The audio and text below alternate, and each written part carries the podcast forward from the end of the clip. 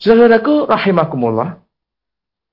Sesungguhnya Allah Subhanahu wa taala telah menjadikan sabar itu bagaikan suatu bangunan atau benteng yang sangat kokoh yang tak tergoyahkan. Ya, sabar ini, gitu ya.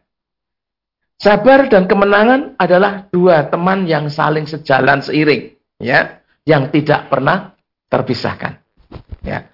Oleh karena itu, Allah memuji orang-orang yang mempunyai sifat sabar dan orang-orang yang bersabar itu sendiri. Ya.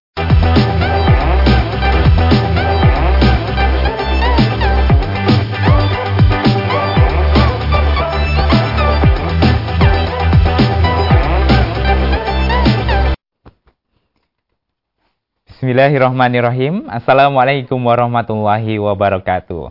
Saudaraku pemirsa MTA TV di mana pun Anda berada, puji syukur Alhamdulillah senantiasa kita panjatkan kehadirat Allah Subhanahu wa Ta'ala atas limpahan karunia nikmat dan juga rahmatnya, sehingga di kesempatan kali ini kita bisa berjumpa kembali dalam program Fajar Hidayah.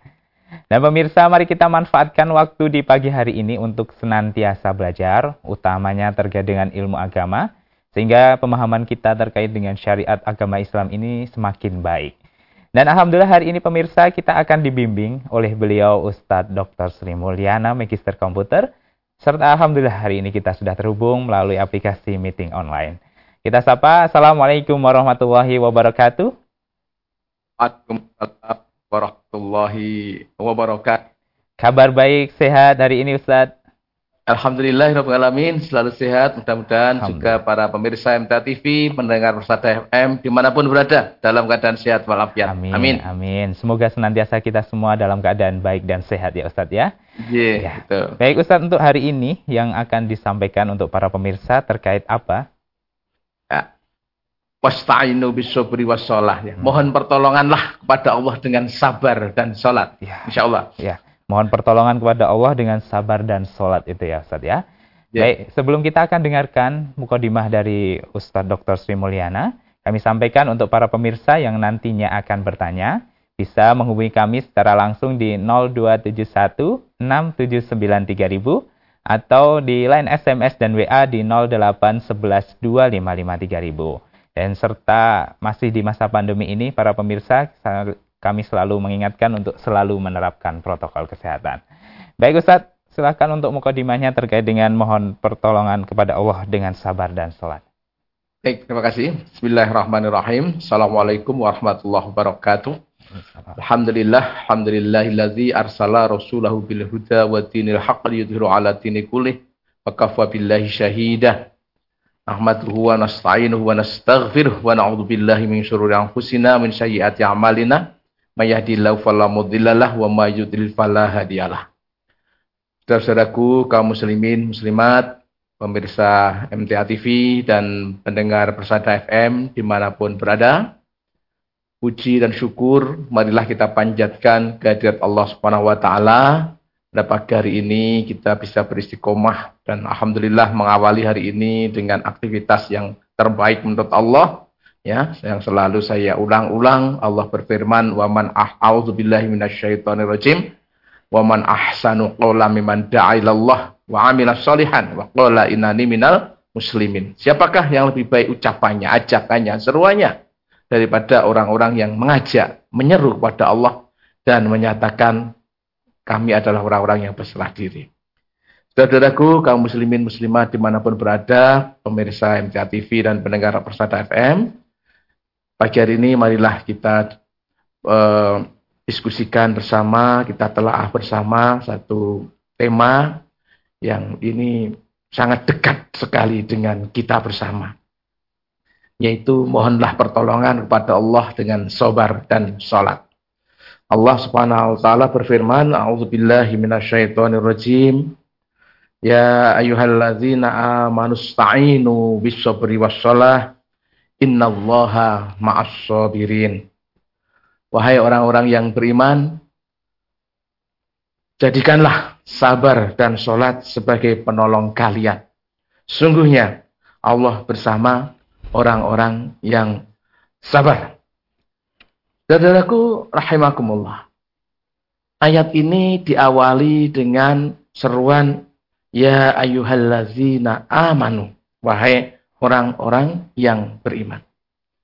Jadi ayat-ayat yang diawali dengan seruan ya ayyuhallazina amanu ini mengandung dua hal yang penting untuk bisa diperhatikan. Di mana Allah tidak uh, menyebut ya ayyuhallazina amanu itu sekitar uh, 90-an tempat gitu ya. Uh, dengan seruan ya ayyuhallazina amanu. Apa arti pentingnya? Bahwa yang pertama itu bisa mengindikasikan bahwa ayat tersebut adalah ayat-ayat Madaniyah ya. Ayat-ayat yang diturunkan di Madinah. Kemudian yang kedua adalah menunjukkan akan adanya kebaikan. Kalau sesudah ayat itu adalah sebuah perintah. Dan akan adanya keburukan ketika dilanggar tentunya apabila diikuti oleh larangan-larangan Allah. Ya, biasanya ya ayyuhalladzina amanu memang diikuti perintah atau larangan. Oleh karena itu eh, sahabat Ibnu Mas'ud sempat berwasiat kepada kita bersama ya. Iza sami tallahu yaqul ya ayyuhallazina amanu fa'arh ya, fa'araha sam'aka fa innahu khairun ya maru. Au syarun yunha anhu ya. Ini nasihat sahabat Ibnu Mas'ud kepada kita bersama. Jika engkau mendengar Allah berfirman, wahai orang-orang yang beriman, maka pasanglah pendengaranmu. Maknanya adalah perhatikanlah baik-baik sungguh-sungguh. Ya. Karena sesungguhnya setelah kalimat tersebut terdapat kebaikan yang diperintahkan dengannya. Atau terdapat keburukan yang dilarang darinya. Ya. Ini untuk ayat-ayat yang diawali ya ayyuhallazina amanu. Saudaraku rahimakumullah, ayat ini setelah ya ayyuhallazina amanu memerintahkan ya ista'inu bisabri. Ya, yang pertama dulu ya. Nanti wassalah ya. Jadikanlah sabar sebagai penolong kalian. Ya. Saudaraku rahimakumullah, Sesungguhnya Allah Subhanahu wa taala telah menjadikan sabar itu bagaikan suatu bangunan atau benteng yang sangat kokoh yang tak tergoyahkan. Ya, sabar ini, gitu ya. Sabar dan kemenangan adalah dua teman yang saling sejalan seiring, ya, yang tidak pernah terpisahkan. Ya. Oleh karena itu Allah memuji orang-orang yang mempunyai sifat sabar dan orang-orang yang bersabar itu sendiri. Ya. Allah senantiasa akan memberikan pertolongan dari semua musuh-musuhnya dan pahala yang besar bagi orang-orang yang selalu bersabar. Mari kita perhatikan firman Allah, saudara-saudaraku, yang termaktub dalam surat Al-Anfal ayat 100, uh, eh, maaf, ayat 46. A'udzu billahi minasyaitonir rajim wa Allah wa rasulahu wa la tanaza'u wa tafsalu wa tadhhaba rihukum wasbiru. Innallaha ma'as sabirin dan taatilah Allah dan Rasulnya. Dan janganlah kamu berselisih yang menyebabkan kamu menjadi gentar kekuatanmu ya dan kekuatannya menjadi hilang menjadi gentar dan hilang kekuatan dan bersabarlah. Ini diperintahkan adalah bersabarlah. Sesungguhnya Allah beserta orang-orang yang bersabar.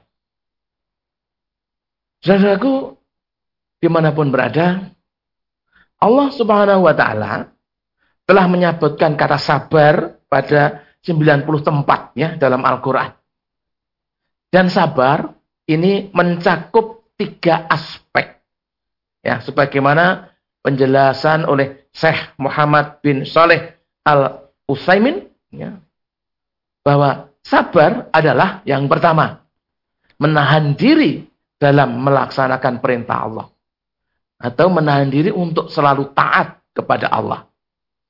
Kemudian yang kedua adalah menahan diri dalam meninggalkan maksiat kepada Allah. Dan yang ketiga adalah tidak berprasangka buruk. Tidak menjadi dirinya marah. Tidak suka terhadap apa-apa yang telah Allah tetapkan kepada diri kita. Mari kita tengok satu persatu apa maknanya. Ya. Yang pertama, bahwa sabar adalah menahan diri dalam hal melaksanakan perintah Allah. Atau menahan diri untuk selalu taat kepada Allah.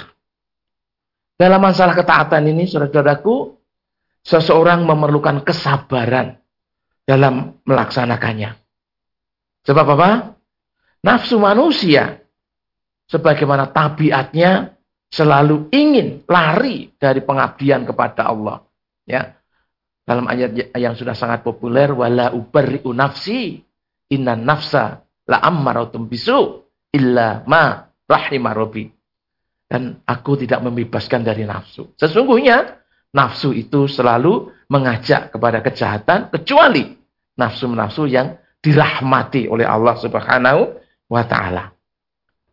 Untuk melakukan sholat misalnya saja. Maka nafsu inginnya bermalas-malasan gitu ya dan enggan untuk melaksanakan. Apalagi hal itu dilandasi dengan kerasnya hati gitu ya. Noda-noda dosa selalu mengikuti syahwat ya, bergaul dengan orang-orang yang jauh ya, lalai dari Allah. Itulah kemauan hawa nafsu.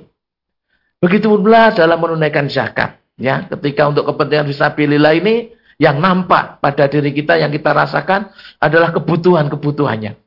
Tidak membayangkan betapa besar ya balasan atau pahala yang dijanjikan oleh Allah kepada orang-orang yang menafkahkan hartanya di jalan Allah. Dan hal-hal ibadah lain apa pun maka manakala tidak didasari keyakinan dan keimanan dan ketaatan kepada Allah dengan selalu bersabar dan mengharapkan ridha Allah, maka akan sulit sekali manusia bisa memenuhi perintah Allah. Maka sabar ini menjadi sebuah kunci ya dalam kita melaksanakan perintah Allah itu. Saudara-saudaraku, yang kedua adalah sabar untuk menahan diri dari melakukan maksiat. Ya, kepada Allah tentunya, gitu ya. Hal yang terbaik, saudara-saudaraku, untuk menumbuhkan kesabaran ini ya adalah membuang jauh-jauh kebiasaan yang negatif, yang menjauhkan diri ya dan menjauhkan diri dari dan berteman dengan orang-orang yang tidak baik ya. Oleh karena itu marilah ya upaya yang kita lakukan kita selalu mencari bi'ah lingkungan bi'ah solihah lingkungan yang baik-baik ya lingkungan yang baik ya. Sebagaimana Allah juga telah mewasiatkan kepada kita bersama, nanti dapat dicek dalam Al-Qur'an surat Al-Kahfi ya, ayat 28. A'udzu billahi minasyaitonir rajim. Wasbir nafsaka ma'alladzina yad'una rabbahum bil ghadati wal 'asyi yuriduna wajhahu wa la ta'tu 'ainaka 'anhum turidu zinatal hayatid dunya wala tuti man aghfala qalbahu an zikrina wa taba'ahu wa kana amruhu furuta. Ya. Bersabarlah kamu bersama orang-orang yang mengharapkan, yang mencari keridhaan Allah di waktu pagi dan senjari. Janganlah kamu berpaling dari mereka, ya. Wala ta'tu ainaka anhum dalam hal apa saja dalam hal kebaikan itu hanya karena mengharapkan ya kesenangan dunia yang kecil, ya. Turidu zinatal hayati dunia. Ya, ini dilarang oleh Allah. Dilarang untuk berpaling dari orang-orang baik.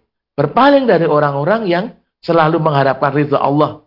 Baik waktu pagi dan petang, maksudnya adalah di setiap kesempatan yang dicari hanya ridho Allah, hanya mengharapkan keridhaan Allah. Kemudian kita juga diperintahkan oleh Allah wala tuti man afana qalbahu an zikrina. Janganlah kamu mengikuti orang-orang yang sudah dilupakan, dilalaikan dari mengingati Allah. Wataba'awahu dan mengikuti hawa nafsunya. Wa kana amru furuta. Lah kalau yang sudah demikian pasti akibatnya akan melampaui batas. Ya. Saudaraku rahimakumullah di mana pun berada.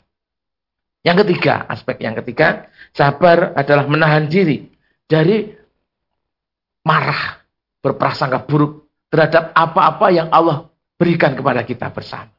Ya. Saudara-saudara, dalam menghadapi musibah ya, supaya kita tetap ya berprasangka baik, husnudzon Allah.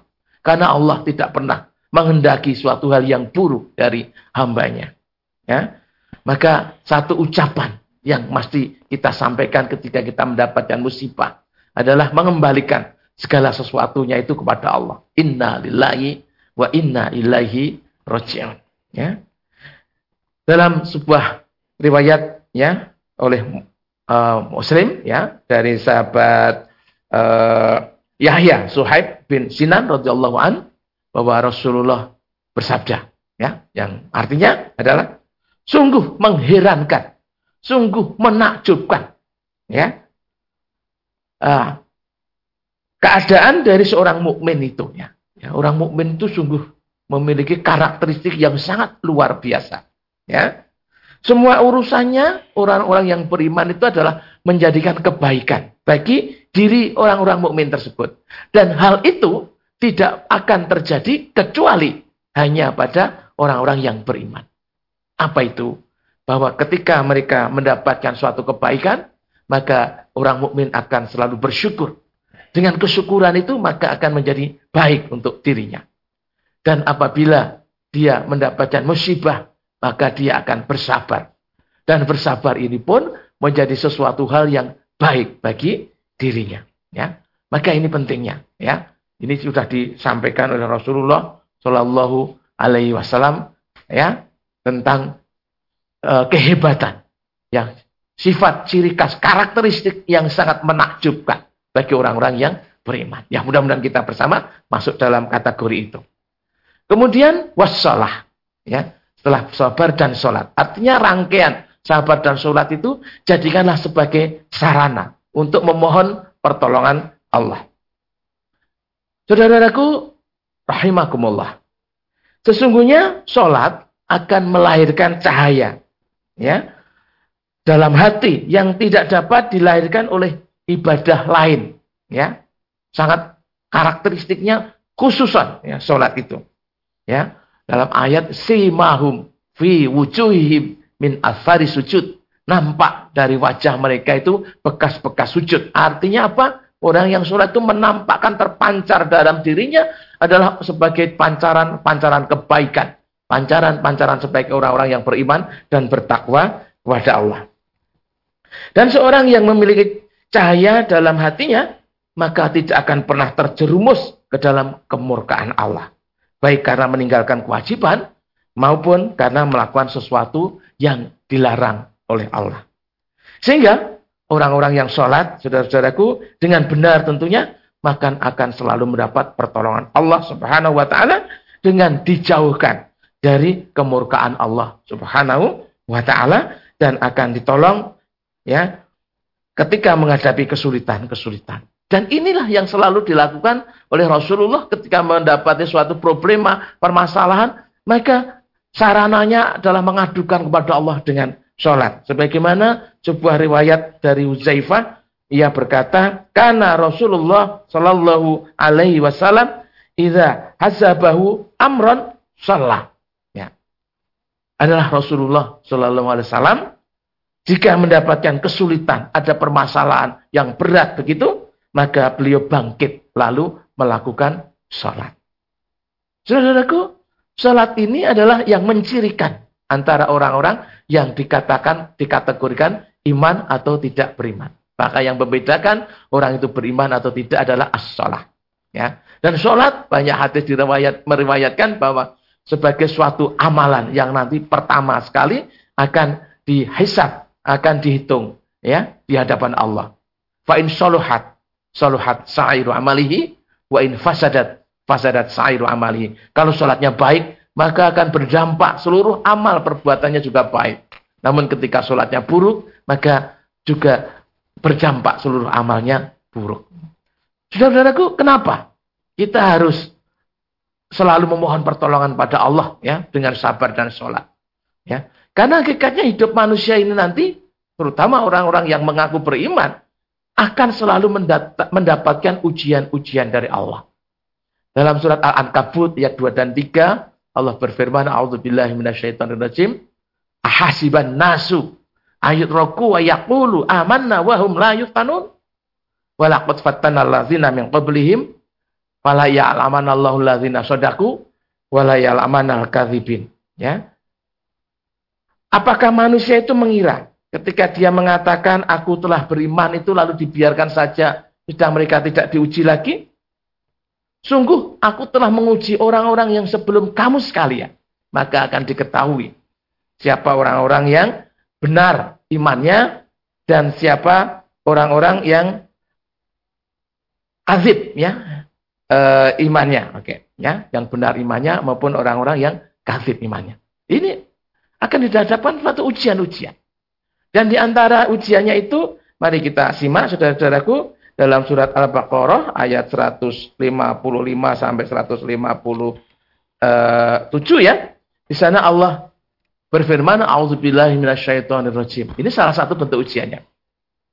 Wala nabluwannakum bisyai'in minal khauf wal ju' wa naqsi minal amwali wal anfusi was samarat wa basyiris sabirin. Aladzina idza asabatu musibah qalu inna lillahi wa inna ilaihi raji'. Ulaika alaihim salawatu min rabbihim wa rahmah wa ulaika umul muhtadun. Ya. Dan kami Allah pasti akan memberikan ujian kepada kamu sekalian kepada kita bersama dengan al-khauf sedikit ketakutan ya kelaparan kekurangan harta jiwa dan buah-buahan maka dalam keadaan seperti ini pun Allah masih memberikan kabar gembira wabasyiris sobirin berilah berita gembira kepada orang-orang yang sabar. Siapa orang-orang yang sabar? Allazina idza asobathum musibah. Orang-orang yang tatkala mendapatkan musibah, maka dia mengembalikan segala urusan kepada Allah. Qalu inna lillahi wa inna ilaihi rojiun. Ya. Sesungguhnya semua itu adalah dari Allah dan akan kembali kepada Allah. Orang yang demikian ini adalah mereka itulah orang-orang yang memperoleh ampunan dan rahmat dari Tuhannya dan mereka itulah orang-orang yang mendapatkan petunjuk. Oleh karena itu, saudara-saudaraku semuanya, marilah kita jadikan bersabar dan sholat adalah menjadi wasilah kita untuk selalu memohon pertolongan Allah terhadap apa-apa kesulitan-kesulitan atau masalah-masalah apa pun yang kita hadapi dalam hidup ini. Karena apa? Kalau kita memiliki Allah, pasti segala sesuatunya akan mudah bagi Allah. Maka ketika kita menjadi orang-orang yang dicintai oleh Allah, maka Allah akan memberikan banyak pertolongan kepada kita bersama. Maka betul-betul marilah ini menjadi sikap hidup kita adalah dengan selalu bersabar dan menjaga sholat-sholat yang uh, telah diwajibkan kepada kita dan tentunya juga bisa memperbanyak dengan ibadah-ibadah sunnah yang yang lainnya. Mudah-mudahan saudara-saudaraku kita termasuk orang-orang yang diberi kekuatan oleh Allah untuk selalu bersabar. Ya. Amin. Demikian Mas Wahid sebagai ya, mukadimah pada hari ini. Mudah-mudahan ya. bermanfaat untuk Amin. kita bersama. Amin. Baik, terima kasih Ustaz untuk mukadimahnya terkait dengan mohon pertolongan kepada Allah dengan sabar dan sholat. Semoga para pemirsa bisa paham dan juga setelah ini kita akan berikan sesi tanya jawab. Silahkan untuk para pemirsa nanti bisa bertanya secara langsung di 0271 679 3000 atau di line SMS dan WA di 0811 255 3000. Namun pastikan para pemirsa tetap bersama kami dalam program Fajar Hidayah. Baik, saudaraku pemirsa MTA TV di mana pun Anda berada, terima kasih Anda masih setia bersama kami dalam program Fajar Hidayah. Dan di kesempatan kali ini kita masih bersama dengan beliau Ustadz Dr. Sri Mulyana, Magister Komputer. Serta kita mempersilahkan untuk para pemirsa yang akan bertanya, bisa menghubungi kami di 02716793000 atau di line SMS dan WA di 08112553000. Baik Ustadz, kita lanjutkan untuk kebersamaan kita pagi hari ini. Dan pertama kita berikan kesempatan untuk penelpon di 02716793000. Kita terima. Halo, Assalamualaikum. Waalaikumsalam warahmatullah. Dengan Bapak siapa dan dari mana ini? Pak Wasino dari Dumai. Baik, silahkan Pak Wasino pertanyaannya. Uh, mau nanyakan Pak. Ya. Assalamualaikum Pak Ustaz. Waalaikumsalam warahmatullahi wabarakatuh. Maka Bapak. Mau nanyakan kebanyakan orang kita uh, mau menyambut bulan puasa uh, mengadakan kenduri. Katanya mau nyambut bulan puasa. Apakah apa itu ada ajarannya atau tuntunannya? Assalamualaikum warahmatullahi wabarakatuh. Waalaikumsalam, Waalaikumsalam warahmatullahi wabarakatuh. Ya. Jadi, Pak, sinten Pak Wasino tadi nggih? Pak Wasino. Ya, Wasino nggih. Jadi kebanyakan masyarakat menyambut bulan puasa itu ada kenduri, ada bahkan ada yang melakukan padusan dan sebagainya. Apakah itu ada dituntunkan dalam agama gitu ya? Jadi sependek yang saya tahu tidak ada amalan-amalan yang seperti itu yang dituntunkan oleh Rasulullah untuk menyambut bulan Ramadan Bapak. Apa yang perlu kita persiapkan menghadapi bulan Ramadan? Yang pertama, satu, tentunya persiapan ilmu. Kita faham dulu masih bulan Ramadan bahwa Ramadan ini bulan yang memang dimuliakan. Ya, apa Sayyidul uh, Sayyidul ya Sahar gitu ya. Bulan yang dimuliakan. Di dalam bulan Ramadan diturunkan Al-Qur'an dan seterusnya. Ilmu. Bagaimana Ramadan? Ya, memasuki puasa itu kayak apa? Menahan diri, makan, minum sejak ya masuk fajar pagi itu sampai maghrib ya hanya mengharapkan ridha Allah. Yang hakikatnya tidak hanya sekedar menahan makan minum, tapi hal-hal yang lain yang bisa merusak pahala puasa. Di antaranya berkata kotor ya, perbuatan-perbuatan yang melanggar Allah ini juga harus dihindari itu dan yang lain-lain ya. Dan juga menghidupkan malam ya dengan qiyamul ada dengan sholat apa taraweh dan sholat witir ya. Itu itu dengan ilmu ya. Gimana sholat tarawih pelaksanaannya, gimana sholat witir pelaksanaannya, dan keutamaan bagi orang yang berpuasa yang membedakan dengan yang lain adalah sahur dan seterusnya. Itu hal-hal yang perlu kita pelajari. Dan kita juga harus tahu hal-hal apa saja yang apa namanya membatalkan puasa. Gimana solusinya ketika ada orang tidak berpuasa? Apa sebabnya? Ketika sakit, maka harus mengganti di hari yang lain. Ketika dia berat melaksanakan, harus dengan membayar fidyah. Ini adalah ketentuan-ketentuan ilmu. Itu yang pertama harus kita persiapkan. Yang kedua, kita persiapkan mental kita, hati kita, bahwa ini menghadapi perintah Allah. Maka cirinya orang yang diringankan mendapat hidayah dengan perintah Allah itu hatinya lapang. Ya, hatinya ya lapang. Ya, Allah berfirman ya dalam surat Al-An'am 125 itu auzubillahi minasyaitonirrajim. Wa may yuridillahu ayyahdiyahu yasrah sadrahu lil Islam. Wa ma yurid ayudillahu yaj'al sadrahu dhayiqan harajan kana ma yas'adu bis sama. Ya. Ya, kalau uh, barang siapa yang dikendaki oleh Allah itu mendapat hidayah, maka hatinya ini dijadikan lapang, longgar, senang. Alhamdulillah, kita sudah mau masuk puasa lagi. Senang hati ini rasanya senang. Ketika menerima Islam, apa pun taklif dalam Islam termasuk salah satunya yaitu Syam Ramadan itu. Tapi kebalikannya, Pak, Bapak ya, ini Allah firmankan, barang siapa yang dikendaki untuk mendapatkan kesesatannya wa mayuridillahu uh, yasrah sadrahu lil Islam wa mayurid ayudillahu uh, mendapatkan kesesatan yaj'al sadrahu dhayiqan harajan ka'ana ma yas'adu bisama. Jadi kan hati ini menerima Islam itu berat ya, berat reposo dalam menerima Islam. Alah, sudah puasa lagi toh ini. Wah, ya gitu. Jadi ada keberatan-keberatan dalam hati. Ya.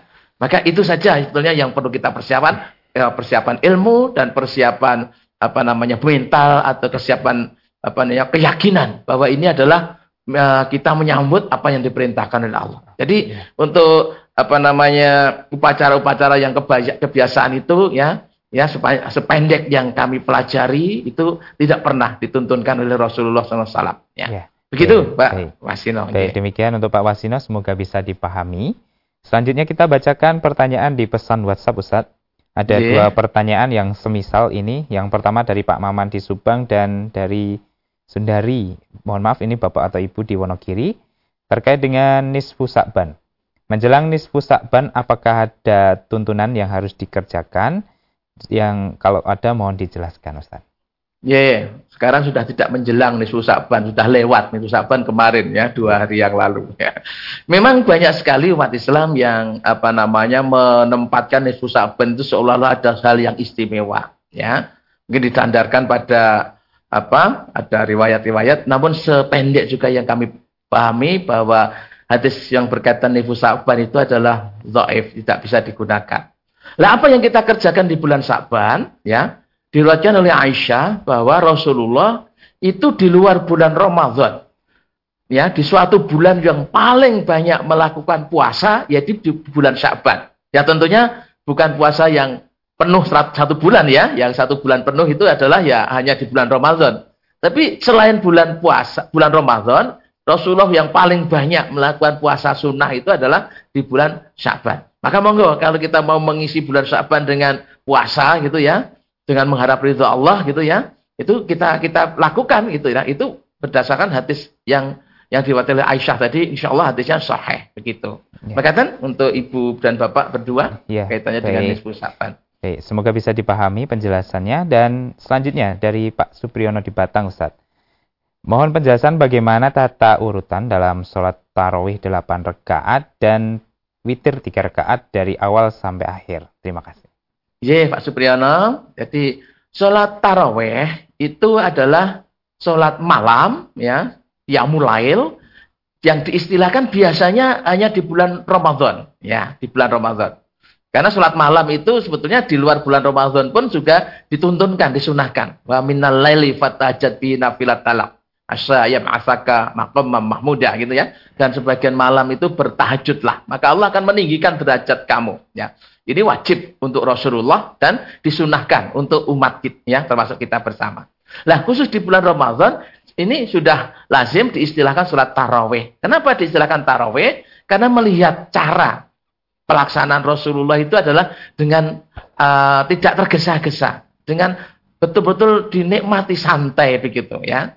Oke, lah sholatnya gimana? Sebetulnya kalau sholat malam di bulan Ramadan, sholat tarwih, Rasulullah biasa mengawali dulu Pak Supriyono dengan yang kita kenal dengan uh, sholat pembuka, iftitah, yaitu sholat dua rekaat yang ringan ya, yang ringan. Mungkin bacaannya sholatnya pendek gitu ya. Baru memasuki sholat tarwih ya, sholat tarwih ya, itu Eh, delapan rakaat total tarawehnya yang dikerjakan ya ini di kalangan umat Islam ada perbedaan pendapat begitu ya kita tidak usah mempermasalahkan yang penting menurut yang kita yakini kalau selama ini dalil yang kuat yang kami yakini di majelis tafsir Al-Quran adalah dua rakaat salam dua rakaat salam ya. Sholatul lail wa nahari masna masna. Bah sholat uh, sunnah itu siang atau malam itu dua rakaat salam dua rakaat salam.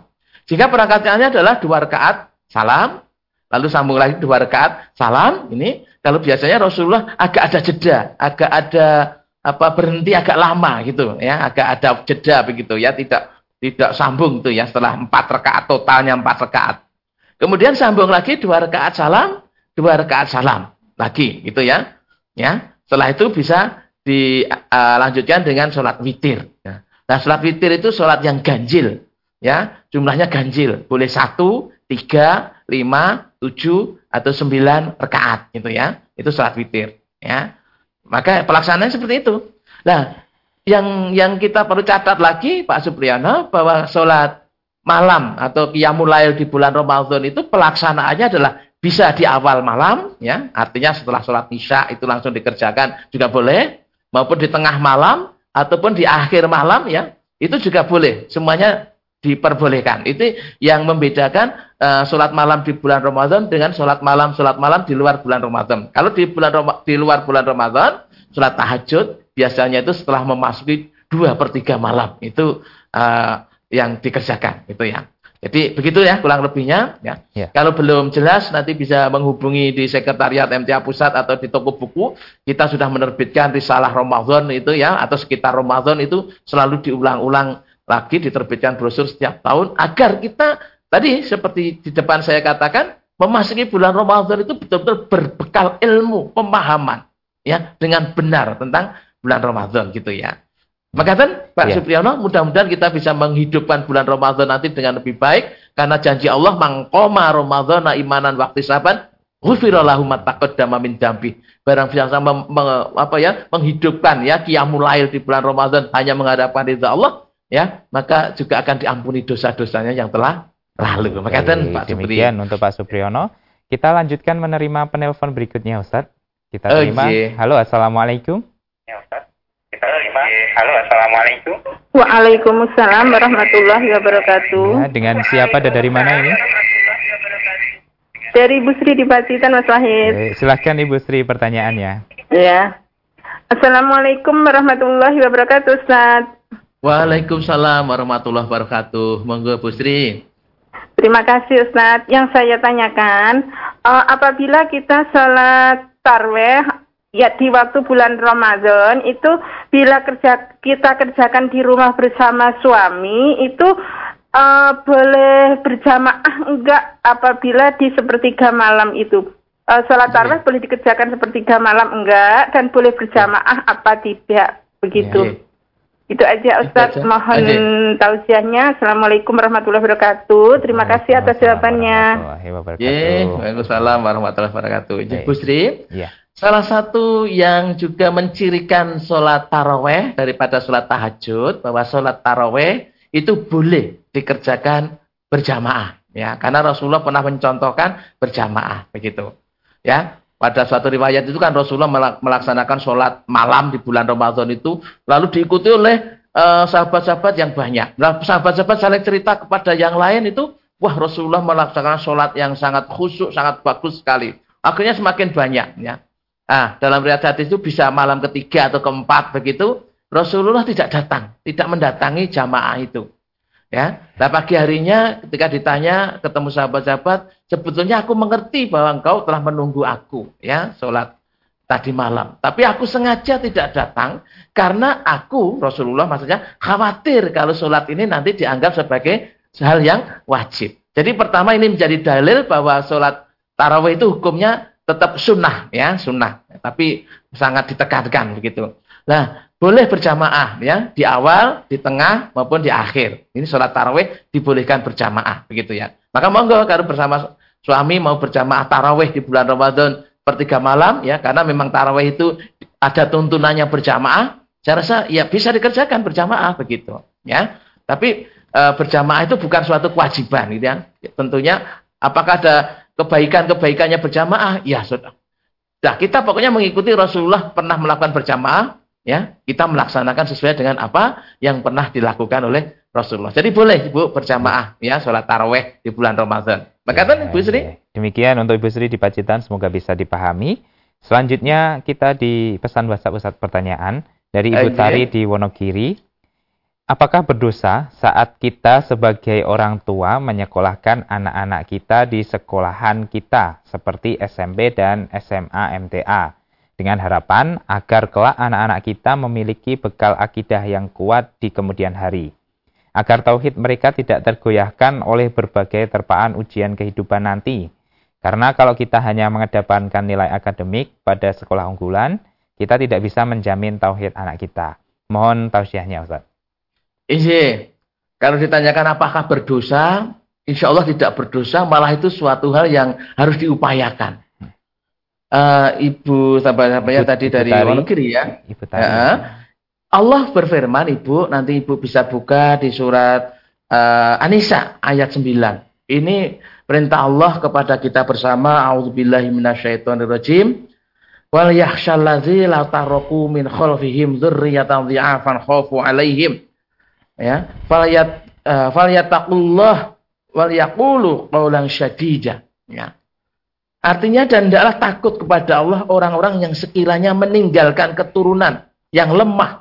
di belakang mereka.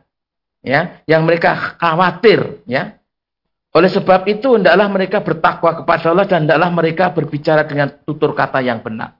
Jadi sudah harus dipikirkan memang kewajiban orang tua jangan sampai meninggalkan generasi itu generasi yang lemah, yang lebih ditujukan adalah lemah keimanan, lemah tauhidnya.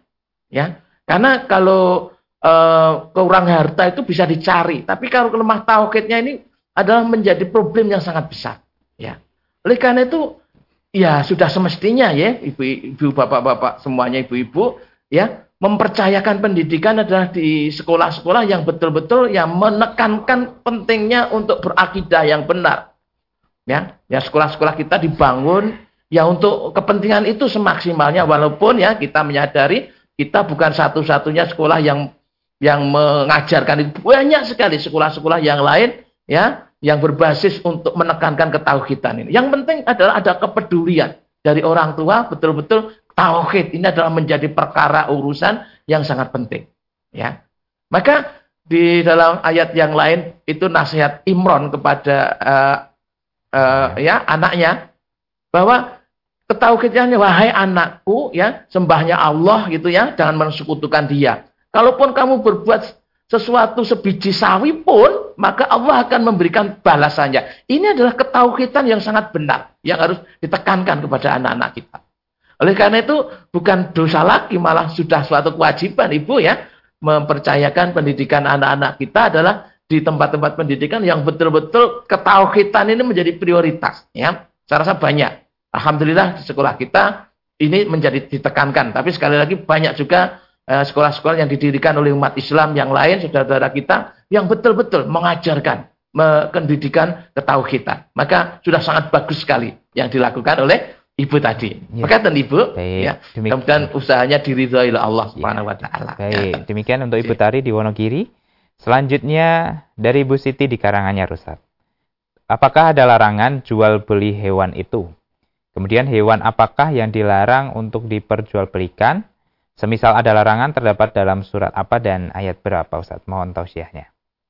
Oke, berjual beli hewan itu tidak ada larangan. Itu kan masalah muamalah, ya.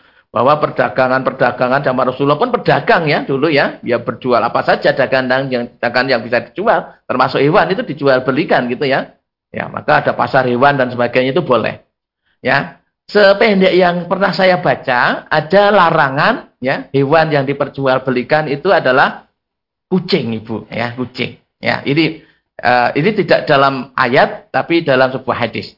Insya Allah kesempatan lain nanti bisa kita lihat lagi gitu ya. Tentunya ya. saya tidak hafal ya sekian banyak hadis gitu ya. Tapi penting yang pernah saya baca itu adalah ada larangan Rasulullah melarang untuk berjual beli kucing gitu ya, ya maka tadi ibu. Baik demikian untuk ibu Siti di Karanganyar.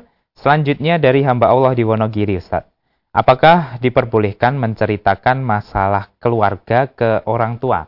Antara lain kejelekan istri itu. Iya. Tujuannya apa? Menceritakan kejelekan istri itu gitu ya. Jadi kalau tujuannya sekedar berbagi apa namanya eh, mengungkapkan saja yang tidak ada manfaatnya tidak boleh.